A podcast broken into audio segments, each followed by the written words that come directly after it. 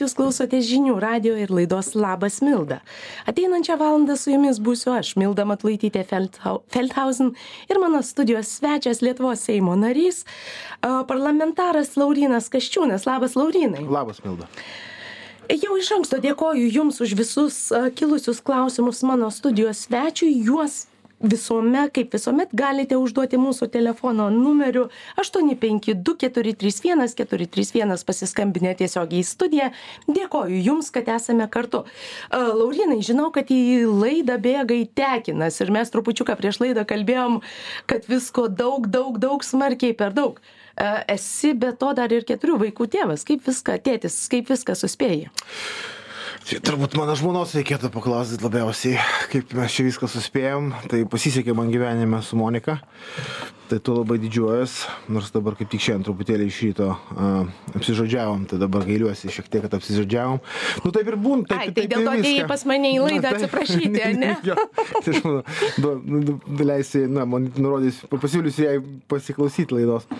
A, tai na taip bet tai jau aš jau pripratęs tai jau taip dvidešim metų tai mano mano vyriausiajam jau dvidešim vieneri Mhm. Tai žinot, aš jau čia kaip, kaip ir daugiau nei pusę gyvenimo jau. O, tai bėgi. O, bėgu. Tai bėgi. Kartu su žmona bėgam jau tiek metų. Uh -huh. um, su tavimi mes studijoje buvome sustikę daugiau um, prieš tikrai gerus metus, tada mes labai daug diskutavome apie patriotizmą. Kaip tau atrodo, ar karas pakeitė lietuvio suvokimą apie patriotizmą ir jei taip, tai kaip? Aš manau, kad gražino mums į mūsų gyvenimus tokias savokas kaip tautiškumas, kaip patriotizmas, nes uh, juos padėjo mums sugražinti ukrainiečių pavyzdys. Uh, 21 amžius dabargi laikomas žmogaus teisų amžium, ar ne, individualizmo amžium bendruomenės jau stumiamės į šoną tautos valstybė terminai kurie šiek tiek jau primena na tokias dvidešimto amžiaus neva tai simbolius kurie dabar jau yra galbūt ne tiek svarbūs ir tai ką mes pamatėm iš tikrųjų kai iš tikrųjų putinas planavo tą blickrygą vadinamąjį ar ne dvi dviejų trijų savaičių visą avantiūrą ir ne tiek karine prasme bet jis planavo pirmiausia sulaužyti tautos stuburą. Visuomenės sakykim taip sukurt sąlygas kad ukrainiečiai nesipriešintų matyt jo tas kalkuliavimas buvo parodyt jėgą per jėgą ir per represijas žiaurias terorą ką jie ir na ką liudija buča irpynė ir daug kitų pavyzdžių a sulaužyti įbauginti ir sulaužyti. Gali laužyti per kultūrinį artumą ką jis tikėjosi padaryt su rusakalbiais ukrainiečiais per rusiškąjį pasaulį o kitur o o jau ukrainiečius patriotus laužyti per įbauginimą.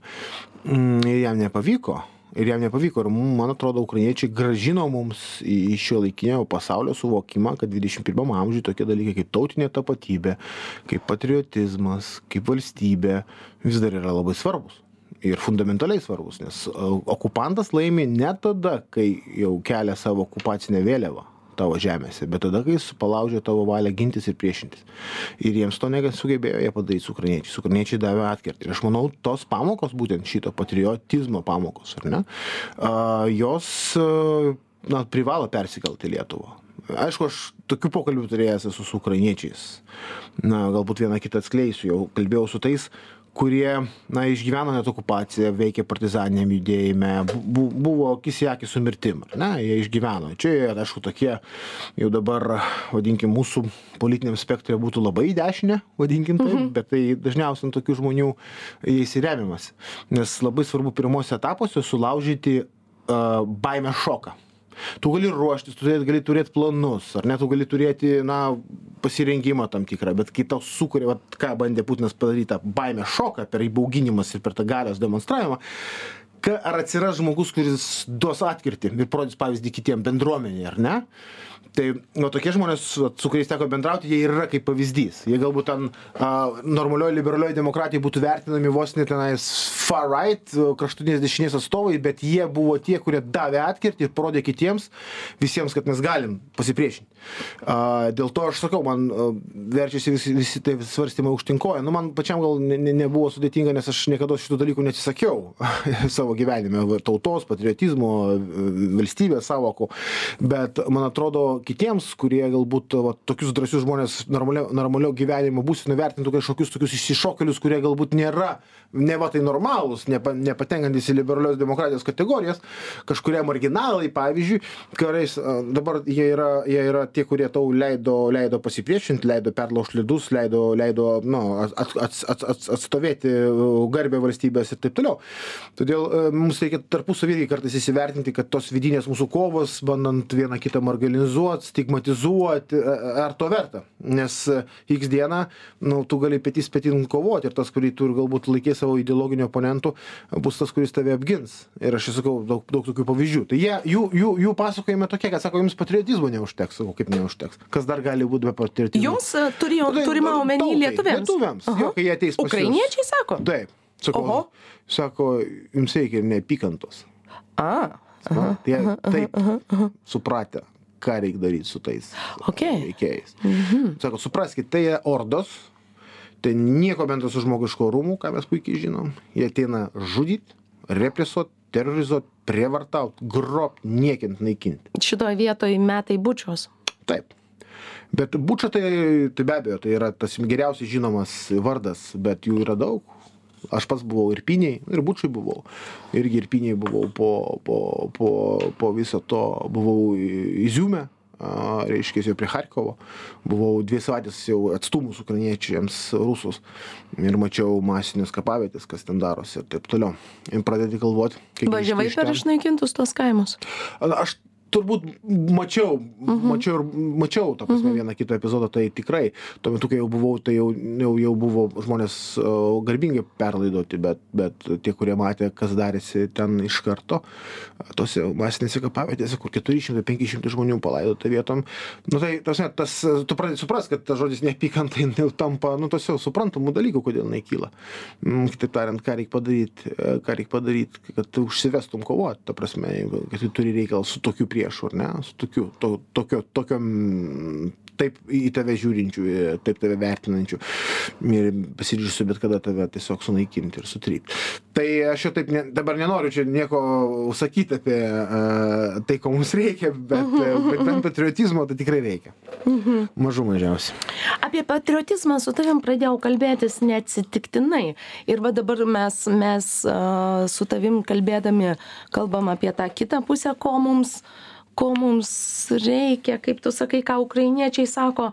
Um, tačiau aš apie taisyklės. Um, mes lietuviai, mano supratimu, um, ypač po po mano šitiek tų metų Šveicarijoje, man iš šono vis dar atrodo, kad mes esam absoliučiai aiškių susitarimų, aiškių rėmų ir tokių nepastumiamų rėmų, ne guminių, o betoninių, konkrečiai betoninių rėmų ir taisyklių nemėgstanti tauta o paskui mes na kaip ir skundžiamės ištisai kad mums patiems mūsų šalyje yra nege negerai am negerai gyventi.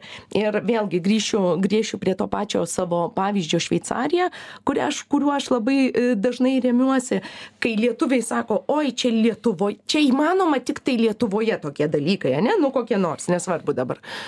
Kokie va ten kokioj nors šveicarijoj yra būtų tokie dalykai neįmanomi. Ir aš šitoj vietoj galiu patvirtint patvirtint. Taip tai būtų neįmanoma ir ne todėl kad tai būtų neįmanoma o todėl kad na žmonės tiesiog susitarę kad tokie dalykai yra neįmanomi. Kodėl mes nen nenorime nemėgstame tartis nemėgstame tų taisyklių nemėgstame jų na nu nu nustatyti o jau jeigu šiaip ne taip nustatom kažką nemėgstam jų laikytis.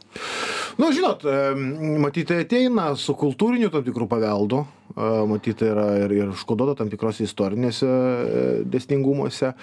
Matyt paliek palikę palikę pėdsaką yra ir okupacija sovietinė kur irgi buvo kažkokios neva tai taisyklės ir tu galvodavai kaip jas apeiti. Visa tai dabar dar turbūt tam tikras kartas mūsų visuomenės veikia aišku. Bet jeigu žiūrint į ukrainą tai nu suprantat nu gal nuskambės paradoksaliai e, bet tas jų toksai mm, ukrainiečiai žinot mes jau iki karo ir dar prieš keturioliktus metus visą laiką jau kalbėdavom kad šalia tokio ukrainietiško patriotizmo vakarų Ukrainos ypač, ar ne, nu, jie turėjo tokių daug savybių kaip oligarchija, klientelistinį ryšį, nepotizmas, kas čia pas mus yra jau tokie, nu, tokie labai neigiami žodžiai, ne? Taip, taip, taip. Tai buvo realybė. Ten mhm. jie reikalų netvarko ne per pažįstamus, jie tiesiog čia yra, nu, gyvenimo būdas ir, ir, ir DNR, ar ne, tam tikrą prasme. Ir tai be abejo funkcionuoti liberalios demokratijos sąlygom, teisės viršinybės sąlygom, skaidrumo ir taip toliau, turbūt yra mm, antitezė šiokia tokia dėl to jie visąlaik kritikuojami yra dėl to. Bet kai prasidėjo karas ar ne kai žlugo nu pradiniuose etapuose gerai net ir keturioliktais metais ar ne prisiminkim a kai ten aišku buvo janukovyčius išvarginta kariuomenė nu turiu omeny korumpuota kariuomenė ir dalinai nelojali visos struktūros irgi pusiau buvo kontroliuojamos per a vietininkus rusijos.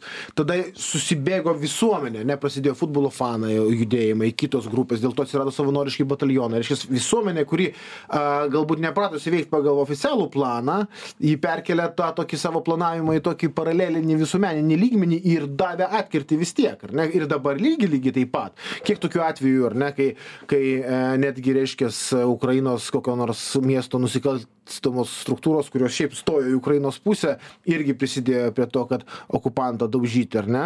Kiek kaip kaip oligarchai kai kurie taip neišlaikė patikimumo ir lojalumo egzamino bet kiti prisidėjo prie tai kad reiškias valstybės gynybą palaikyti ar ne ir taip toliau vien jau ką reiškias gelžbetoniniai e, o ežiai ir, ir iš achmetovo gamyklos ar nereiškia nu ir daug visų kitokių dalykų. Kitaip tariant tas toksai neformalus bendravimas ginant savo miestą ginant savo bendruomenę ginant savo savo rajoną galų gale ar ne jisai buvo tokiom situacijom kartais yra be galo svarbus nes kai ta prasme atrodo tu nori pagal algoritmą veikti kažkokios valstybės nustatyta kaip yra išrašyta pavyzdžiui kur vakarų demokratijoj tai ukrainoj tas pavyzdžiui neveikia bet tada veikia neformalūs ryšiai. Bet jeigu tuose neformaliuose ryšiuose yra geras turinys yra krūvis yra valia nu tai jinai gali duot atkirtį. Darom pertrauką. Toliau tęsiame laidą laurynai ar prisimeni apie ką šnekėjai? Pratęsk.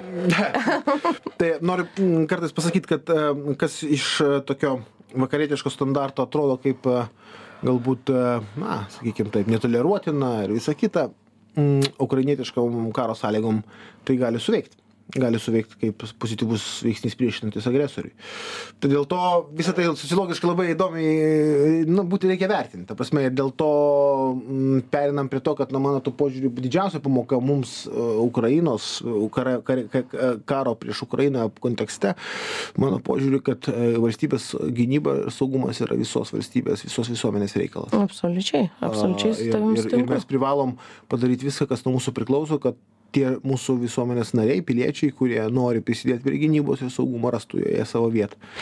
Gerai žinai šitoj vietoj tada aš tavęs paklausiu kito dalyko. O tu sakai vat e, yra visų mūsų reikalas ane? Aš su tuo su su su tavim visiškai sutinku bet dar ko aš pasigendu vėlgi klausytojai man kartais signalizuoja nekišk tos savo šveicarijos bet nu ką turiu tą kišu.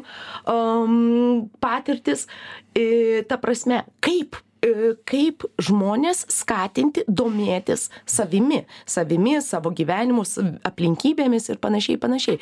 Tu žinai man atrodo kad mes esam esam tauta puikiausiai tobuliausiai įvaldžiusi tą į išmoktą bejėgiškumą ane tą tokį ir ir ir sėdim ir dejuojam kad va to negalim to ano negalim tas čia nepavyksta čias čia čia taip čia ne taip čia valdžia ne ta ne tą išrinko žodžiu e, viršininkas blogas viskas ne taip ane?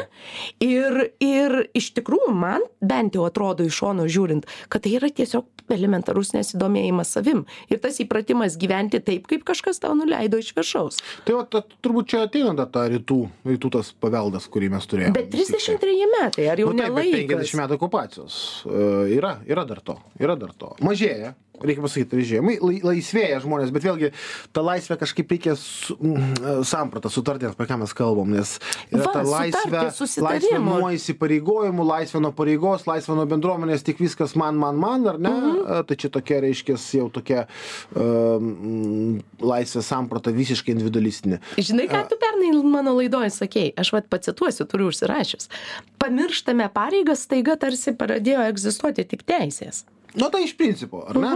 Tai jeigu laisvę tu suvoki per bendruomenę per kažkokią pareigą ir kartu teises ar ne? Tam tikrą balansą. Žinodamas kad tu esi šitos valstybės pilietis tu turi jai duoti kažką šitai valstybei mūsų valstybei atsiprašau ne šitai mūsų valstybei. Ir už tai tu turiu turi turi galimybę džiaugtis individualia laisve kurti ateitį ir taip toliau. Tai vat e, to reikėtų va tos to to balanso labiau ar ne? Ir ir ir suvokt kad laisvė bus neįmanoma jeigu tu neatiduosi tam tikros pareigos e, savo savo valstybei. Ir šiaip tai iš tikrųjų tie metai parodė kad mes nu daug kur visai neblogai atrodom žinokit. E, aš pasižiūrėjau nu vis tik tas vat parama ukrainai. Kaip šešiasdešim procentų lietuvos visuomenės jie sako kad jie yra ne tik remia ukrainą tai čia remia dar daugiau bet kad yra aukoja ukrainai ar ar ar daiktais ar ar ar ar pinigais metais o kiek važiuoja žmonių, kiek ir pati važiuoja, ir aktyvių žmonių, kuriems dabar jau yra tiesiog pareiga kažkaip padėti ukrainiečiams, ar ne, kas mėnesį, kas du, surinkti tą paramą.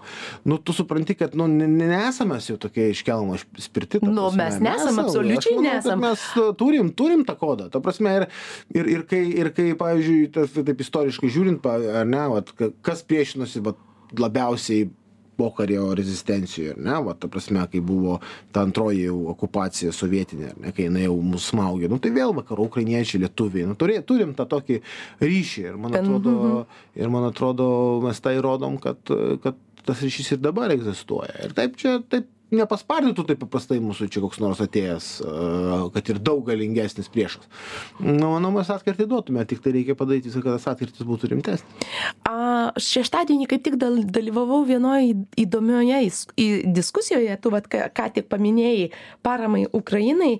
Ir viena ukrainietė sakė, kad susidaro toks įspūdis, ypač galbūt Facebooko burbuluose, kad vyksta, na, tam tikra prasme kažkokios ne visai sveikos lyg ir varžybos kas kas patriotiškesnis kas labiau už ukrainą kas labiau jai padeda ir panašiai panašiai. Pastebi tokius dalykus? Ne aš tai ne ne tikrai to ne nepastebiu. Aišku matyt dalis žmonių kurie labai padeda gali paklaust kodėl pavyzdžiui sakykim dabar vis sunkiau rast paramą. Nu natūralu virš metų ta prasme ir panašiai bet tai čia yra toksai manau to tos jeigu tokios va va varžybėlės vyksta minimalios tai jos tiktai skatina e, judėt į priekį.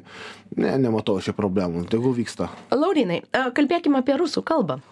Karas į į lietuvą atnešė beprotiškai daug rusų kalbos ir rusų kalba tapo na legitim bet kur aš savo lazdynuose savo lazdynų parduotuvėj na ne visai vidury E, vidury Vilniaus, bet. O kuri, kuri parduotuvė? Mano, mano irgi lasdynai. nu, tavo kiti, kitoj pusėje lasdynai, mano ažuolas. Tai ten, žinai, susikalbėti rusų kalba arba atvirkščiai susikalbėti lietuvių kalba tampa vis, na, tokiu, tokia trupučiuko net ir keistenybė, nes rusų kalba ten, ten tampa kasdien, kas, kasdienybė. Kažkada aš rašiau apie rusų kalbą apie apsiėjimą su ja apie neturėjimą susitarimų taisyklių ir kad jau jau skambutis seniai nuskambėjo ir ir kad ta problema ant mūsų užgrius iš tikrųjų lavina tai man žinai amžin kaip kaip ir amžinai man būna parašoma kad aš nieko nesuprantu. Kita vertus dabar jau imama imamasi tolerancijos apie tai kad mes esą kalbame rusiškai nes mes norime būti sveti skirtingi. Tai aš dabar turiu du, du klausimus, tiksliau sakant, vieną klausimą, vieną pavyzdį.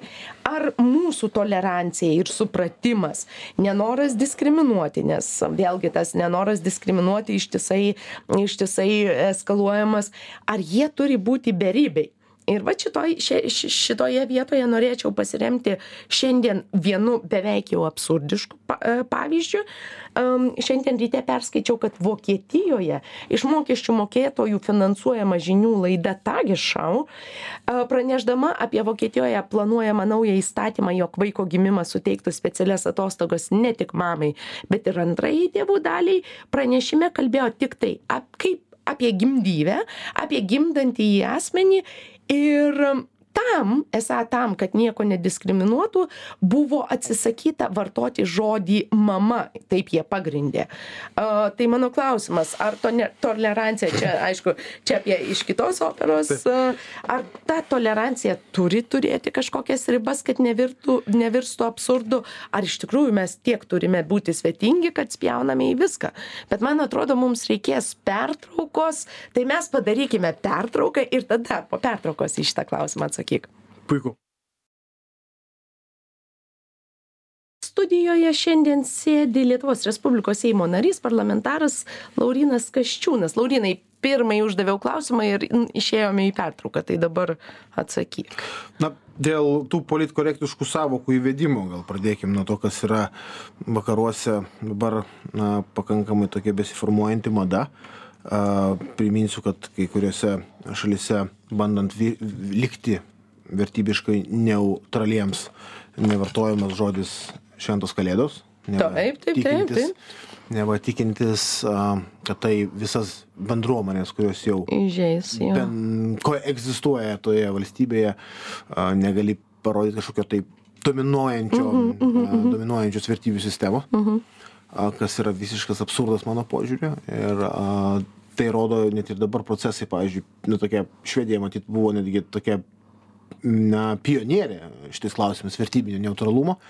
Ir matau, jinai pati atsikando viso to, nes kažkaip e, klaidingai buvo gal, galvojama, kad jeigu tu na, pasiūliusi visuomeniai ne kažkokią tradicijų hierarchiją ar taisyklių rinkinį, ar ne, atvykusiems į valstybę naujoms migrantų bendruomenėms, o tiesiog tuščia popieriaus lapą, kur neva, tai mes galėtume visi egzistuoti įvairovėje, gyventi įvairovėje, sugyventi įvairovėje man atrodo dabar kai jau žiūrim į rinkimų rezultatus švedijos kai stiprėja politinės jėgos kurios sako kad migraciją reikia riboti ir kad reikia švęsti šventas kalėdas a sakykim taip na tai rodo kad jau man atrodo šitas eksperimentas nepasiteisino. Nepavyko ir grįžtama prie ir man atrodo jau pradėt reikia mhm. grįžti. Kol dar ne vėlu Kol dar ne vėlu, Klausimas, taip. ar ar ar ne vėlu čia irgi jau irgi atviras klausimas. Tai lygiai taip pat su aš kaip suprantu čia mamos termino atsisakymas jau jis yra susijęs su irgi kažkokiu tai neva tai rolių nepriskyrimu ar ne kad žmogus galės ten pasi nu bet čia jau yra jau yra einam ten kur kur man matyt ne ne nereiktų eiti jau čia jau yra jau čia yra sakyčiau na net nevadinčiau tai tolerancija ta prasme aš manau kad tai jau yra karikatūra Karikatūra, tu teisus. Mhm. Nes tada tolerancija tampa įrankiu ginklu kažkokiai tai grupiai, kuri neva turi teisę nustatinėti, kas yra įžeidžiančio, kas yra stigmatizuojančio, kas ne.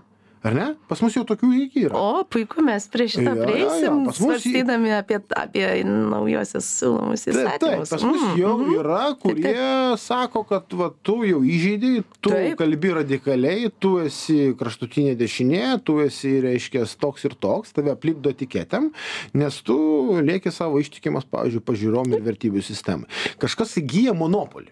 Ir tai yra labai puikus įrankis Ir manipulacijai. tai mano požiūrį Taip. yra didžiulis iššūkis demokratijai. Taip. Nes kažkas tai liberalios demokratijos vardu nusprendžia kalbėti ir sakyti, ką tu gali sakyti, ką ne. Jeigu mama ir tėtis jau yra terminai, kurie yra kažką tai įžeidintis ir jau kažkas sako, kad tu nevartok jų, nes palyginau vertybiškai neutralią kalbą, mano įsitikinimu tai jau yra grėsmė, savotiška rizika ir demokratijai. Nes per tolerancijos, tu toleranciją padarai savo įrankiu ir spaudimo priemonę. Jeigu tu matai, kad kažkas ir toliau vardoja tos žodžius, tu jį bandai nustumti į kažkokią tai tradicionalistinę konservatyvę dešinę, susijęs su, reiškia, kokiu nors nacionalizmu, nacizmu ir taip toliau. Ir po to, reiškia, bandyti tokiam, vat, reiškia, politiniam užkordonę, reiškia, užkordono politinio laikį. Tai tas labai yra populiaru vakaruose, ar ne? Ta tokia minties policija šita. Ir, na, reikia tokiom priemonėm turėti drąsos pasakyti ne. Ir e, autentiškai tolerancija yra tada, kai visos nuomonės gali tarpusavį egzistuoti ir, ir tarpusavį sugyventi. O, o, ne, o ne tai, kad tu gali užčiaupti, e, pasakydamas, kokie vartotini žodžiai, kurie nevartotini žodžiai. Ta prasme, čia jau yra pavojinga. Rusų kalba? Man atsakymas tai labai paprastas, nes mano aplinkoje ir mano patarėjos uh, yra tokios labai patriotiškos, tai jos net į boltą nesėda, jeigu nieks nemo- nemoka atsakyti lietuvių kalbą arba bent jau angliškai. Tai, tai čia atsakymas labai paprastas mano požiūriu. Na, valstybinė kalba yra taisyklė. Aš suprantu situacijų, kai reikia kažkokio tai galbūt perinamo laikotarpio, bet mes tikrai turim privalom stiprinti savo valstybinę kalbą. Mhm. Dabar šiek nuo kalbos e, eikime iki rimtesnių problemų. Dar pagrįžtant prie Ukrainos. Penktadienį man viešint Vaidoto pėstininkų batalionė vienas karys uždavė labai labai rimtą ir labai svarbų klausimą. Aš tikiuosi, kad jisai išgirs šią laidą ir atsakymą į, į, į, į šį klausimą. O ką mes darysime po to? Mes prieš tai kalbėjome apie apie rėmus apie taisykles apie susitarimus ir labiausiai jų nebuvimą. Tai o ką mes darysime po to? Po to kai po karo sakykim po to kai į europą ir ypač į lietuvą pa pasipils suluošinti traumuot traumuoti kovotojai ar mes tam lietuva esame pasiruošę?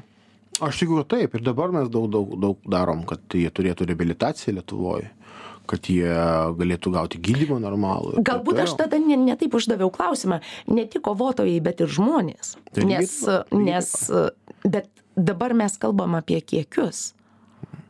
Bet aš manau, kad čia na, bus ir europinis sprendinys. Aš tai vat, e, galbūt galiu pasakyti, jeigu Europai, nors dabar irgi jau tie mitai nyksta, vis laik sunkiau yra su ginkluotės parama. Nes nu žinot kai kam irgi nepolitkorektiška mm, atiduot ginkluotę ar ne nes kai kam tai atrodo karo kurstymas kas yra visiška nesąmonė nes čia yra tiesiog tauta ginasi.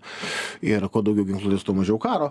E, su humanitariniais dalykais su sveikatos e, paslaugom europai visąlaik bus daug daug atviresnė sakydami kad mes galėtume padėti ta prasme. Tai tai aš manyčiau aš manyčiau kad e, čia išsprendžiama problema. Aš kažkokių didelių didelių didelių iššūkių nematau. Aišku jų bus bet mes su jais susidorosim. Taip, taip, bet aš manau, mes susidorosim. Ir tiesą sakant, mane vat, ukrainiečiai dar ir to stebina, kad jeigu pasižiūrėkim dabar jų tos skaičius, kai buvo padaugėję, jie daug, daug ukrainiečių atvežė čia savo šeimas, o patys grįžo į Ukrainą taip. ir, ir kariauti, ir ginti savo tėvynės. Ta prasme, tai mano požiūriu, čia mm, reikia irgi paieškoti visuomenės, kurie taip elgtųsi. Kiti daugiau, aišku, viso, visko yra, bet uh, kiti daugiau nu, bandytų čia ir, ir, ir būti pasislėpę. Bet šeima, tada ramiau, čia o tu važiuoji pats ir atiduodi tai, kas priklauso savo valstybei, savo tėviniai. Mhm. Tu keli labai opius, dažnai gyvybiškai Lietuvai, sakyčiau, svarbius klausimus. Kuri tavo tema, jeigu taip galėtume pasižiūrėti, iki šiol sulaukė didžiausio pasipriešinimo?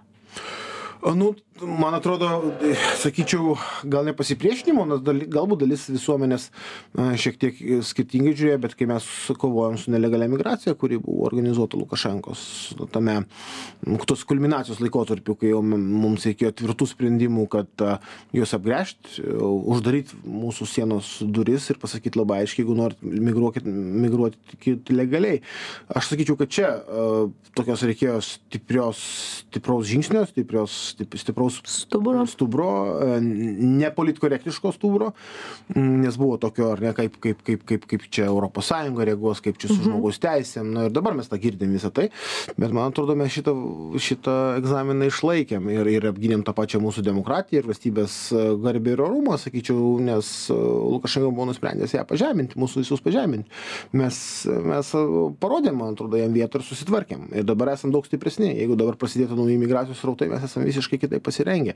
Tai čia, sakyčiau, tas epizodas, kuris be galo, be galo, mano požiūriu, buvo nu, svarbus, kai reikėjo kažkam pirmam išėti ir pasakyti, ta prasme, nebijokit, darom taip ir taip, nes tai yra svarbu nacionaliniam saugumui. Kaip ES žiūri į mus tuo klausimu?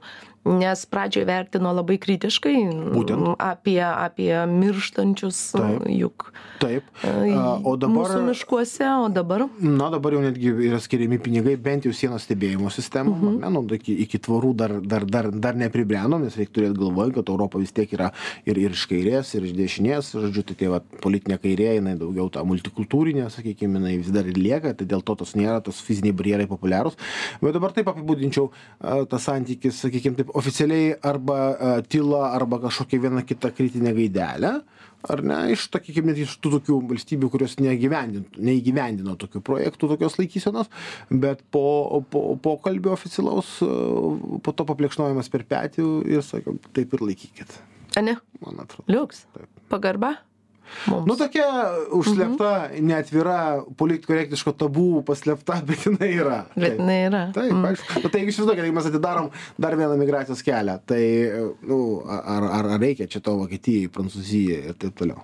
Ar vis dar e, tenka susilaukti, ar tenka būti įtrauktam ar dalyvauti diskusijose, kodėl vieni pabėgėliai yra tokie, ten mes priemam, jau nebe. Ne, Čia tik karo man- pradžioje buvo. Man atrodo, Mhm. truputėlį ir aš ten nu, nu, nu, nukirtau tas diskusijas. Gal su kažkas su kažkuo diskutuoju, bet nesu kažčiūnu. Am, kolegos a, Algio Ramanausko laidoje, čia buvo penkt, ne penktadienį, penktadienį turbūt. Penktadienį. Penktadienį sakėjai, jog tu bandai saugoti Lietuvą. A, Mes trupučiuką užsiminėm, užsiminėm prieš tai laidos pradžioje, kad Ukrainos karas parodė, kad joks niekas nebėra pajėgus apsaugoti nieko, jeigu nesisaugos visi kartu, ne? nes, nes kariuomenė viena na, be mūsų civilių iš tikrųjų turbūt nepajėgs e, taip apsaugoti, kaip mes įsivaizduojame. Mm, Trečiasis straipsnis sako, kad ne tik Aha, Tikrai taip. parlamentaras rodo Taip. iškeltą nykštį. Pakomentuok, kaip lietuviams pasakyti, kad ne tik nesėdėt ant sofos ir nelaukt, kol kiti ateis mūsų apginti, bet patys, patys ir kad tų procentų skiriamų gynybai jų neužtenka, kad, kad tai nėra saugumo garantas, kad tai jau seniai nėra vien tik tai saugumo garantas. Jeigu trumpai apžvelgsiu, kai mes įstojome į NATO 2004 metais, daug kas vakaruose, nu absoliuti dauguma, e, nebelaikė Rusijos grėsme. Tuo metu netgi buvo bendradarbiavimas su Rusija dėl kovos su tartotiniu terorizmu, tada buvo Al-Qaeda, Irakas ir visai kitos temos. Tai vienas dalykas. Tame kontekste daug šalių netgi atsisakė šauktinių. Išėjo nuo teritorinės gynybos koncepcijos prie ekspedicinių pajėgų koncepcijos. Pakito kariuomenių modeliai. Vakarų kariuomenės tapo profesionalios, tik išimtinai profesionalios, nutrūko jų ryšys su visuomenė. Kalbu ir kas pas mus įvyko, pas mes irgi buvom atšaukę savo šauktinius, ačiū kolegom socialdemokratam, mes visą tai prisimenam gerus darbus, aš kabutėse ir taip toliau. Ir um, visi galvojam, kad na, kariuomenės užteks ekspediciniam pajėgom, 2-3 savaitės, kažkokią užduotį atlieki, grįžti namo. Ir tai ne tik Lietuvos atveju, tai yra na, visos vakarų Europos, išskyrus turbūt Junktinių Amerikos valstybių atveju. Bet daugeliu atveju vyko vat, tokia, tokia raida. Ir dabar mes turime reiškinį su uh, priešu, kuris gali kautis metus, du, trys, uh, galbūt ne taip technologiškai aukštam lygiai, bet jis gali, uh, sakykime, taip uh, pasiūlyti tau alinantį ilgą karą ką Rusija ir, ir, ir, ir daro, ar ne? Ir um, nuo to, su tokiu, su tokiu virsmu e, kinta ir labai gerai, kad kinta ir mūsų supratimas, kaip mes turim save matyti toje valstybės gynyboje. Nes jeigu prieš kokių 10-15 metų, gal prieš 15 metų, paklaustumėt ar Lenkijoje, ar Lietuvoje, kas apgins Lietuvą arba Lenkiją, nu, tai atsakymas tradicinis NATO, nes mes jau to galingiausio alijanso nariai, a, kariuomenė ir turbūt būtų atsakymas pasibaigęs. Dabar atsakymas jau yra kitoks. NATO padės mums kartu su mūsų kariuomenė, bet ginsimės visi, kiekvienas pilietis, tauta. Tai tokio atsakymo, a, man atrodo, ir yra tas atsakymas, kurį mes turim girdėti ir padaryti visą tai, kad jis nebūtų tik tai a, tezė, o turėtų savo praktinę išaišką. Tai yra mm, dalis visuomenės, kuri nori prisidėti prie gynybos, a, rastų savo vietą visoje gynybos architektūroje. Todėl mes stiprinam Šaulių sąjungą, todėl mes kūrėm užnugario sistemą komendantūros, todėl reikia stiprinti teritorinės gynybos pajėgos, mūsų krašto apsaugos savanoriškas pajėgas, šalia to, aišku, stiprinant mūsų tą kumštį, esminį kumštį, mūsų reguliariasias pajėgas ir taip toliau. Bet e, labai svarbu suvokti, kad jeigu visuomeniai lūšta, lūšta valia priešintis, ta prasme, e, jeigu politikai bėgt pradeda ar ne iš valstybės, nu tarkim, ar ne, nu tai tada viskas, ta- tada moralė palaužiama ir tada jau nebeužteks kariuomenės. Reikia, reikia suvokti visą tai. Valia priešintis. E, valia priešintis ir naujasis tavo įstatymas. Trumpai paaiškink, dėl ko verda šitaip aistros ir kodėl mes viena vertus norime priešintis, kita vertus priešinamės prieš tai, kas būtų na, mūsų, mūsų užtikrintų mūsų nacionalinį saugumą. Tai e, vienas dalykas, e, kad mes kūrėm nacionalinių sankcijų instrumentą. Mano požiūrį tai labai svarbu, nes šiaip tai sankcijas taiko Europos Sąjunga. Tu minėjai, kad tai bus unikalus. Tai yra Europoje. unikalus Taip, e, reiškinys, instrumentas. instrumentas. kurį mano požiūrį po to bus galima populiarinti ir rodyti kaip pavyzdį kitiems. Dabar labai paprastas dalykas. Rusijos federacijos piliečiai gali laisvai keliauti europos šalyse išskyrus baltijos šalis suomiją lenkiją ir pirkti nuosavybę. Ar ne? Ir tada kaip mes atrodom santykyje su ukrainiečiais ane kurie sako mus daužo visaip kaip mūsų keturi šimtai ligoninių yra sudaužyta ukrainoje mūsų darželiai sprogsta mūsų mokyklos sprogsta o jie vis tiek turi teisę daryt tai ką darė iki šiol ar ne?